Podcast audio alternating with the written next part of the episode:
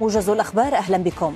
أكد قائد الانقلاب في النيجر عبد الرحمن تياني استعداده للحوار وحذر مجموعة إكواس من تداعيات أي تدخل عسكري محتمل في بلاده.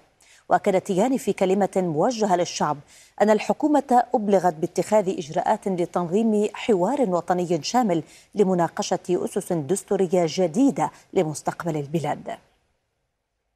وقد وصف رئيس نيجيريا السابق وعضو وفد إكواس عبد السلام أبو بكر وصف اللقاءات التي عقدها في نيامي بالمهمة جدا وبأنها يمكن أن تشكل منطلقا لحل الأزمة.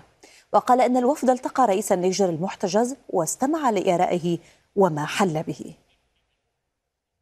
قال الجيش الإسرائيلي أن مستوطنا أصيب بنيران قوة من الجيش قرب قرية اللبن الشرقية بين نابلس ورام الله فجر اليوم للاشتباه بأنه فلسطيني. وكانت قوات الاحتلال قد اقتحمت فجر اليوم عدة مدن وبلدات في الضفة الغربية بعد ساعات على مقتل إسرائيليين في عملية حوارة جنوب نابلس. وقد أصيب أكثر من عشرين فلسطينيا بحالة اختناق بالغاز المسيل للدموع في قرية بيت جنوب نابلس أثناء عمليات تمشيط في القرية للبحث عن منفذ عملية حوارة وكانت القناة الحادية عشرة الإسرائيلية قد عرضت تسجيلا مصورا من كاميرا مثبتة في محطة لغسل السيارات في حوارة جنوب نابلس يظهر فيها مقتل الإسرائيليين في إطلاق نار. وقالت القناة إن التسجيل يوثق العملية. وفي ردود الفعل قالت الخارجية الفلسطينية أنها تنظر بخطورة بالغة لعودة شعار محو حوارة وتعتبره تحريضا لارتكاب مجازر إبادة بحق الفلسطينيين. من جهتها باركت حركة حماس عملية أطلاق النار في حوارة وقال الناطق باسم الحركة عبد اللطيف القنوع إنها نتاج وعد المقاومة الثابت والمستمر بالدفاع عن الشعب الفلسطيني والرد على جرائم الاحتلال وحماية المسجد الأقصى.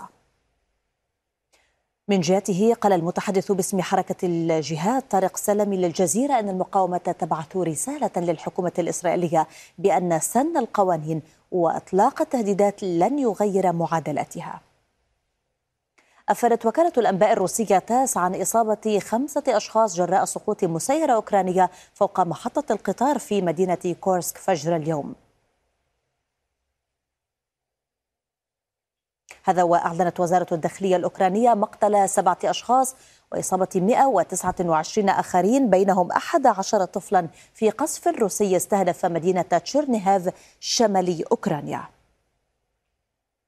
تصاعدت أعمدة الدخان صباح اليوم في العاصمة السودانية الخرطوم وكان مراسل الجزيرة قد أفاد بأن الجيش السوداني قصف بقذائف المدفعية صباح اليوم على مواقع لقوات الدعم السريع في أم درمان. بينما أفادت مصادر محلية للجزيرة عن سماع دوي انفجارات متتالية حول المدينة الرياضية جنوبي الخرطوم وهذه الصور مباشرة من العاصمة السودانية الخرطوم نشاهد فيها أعمدة الدخان.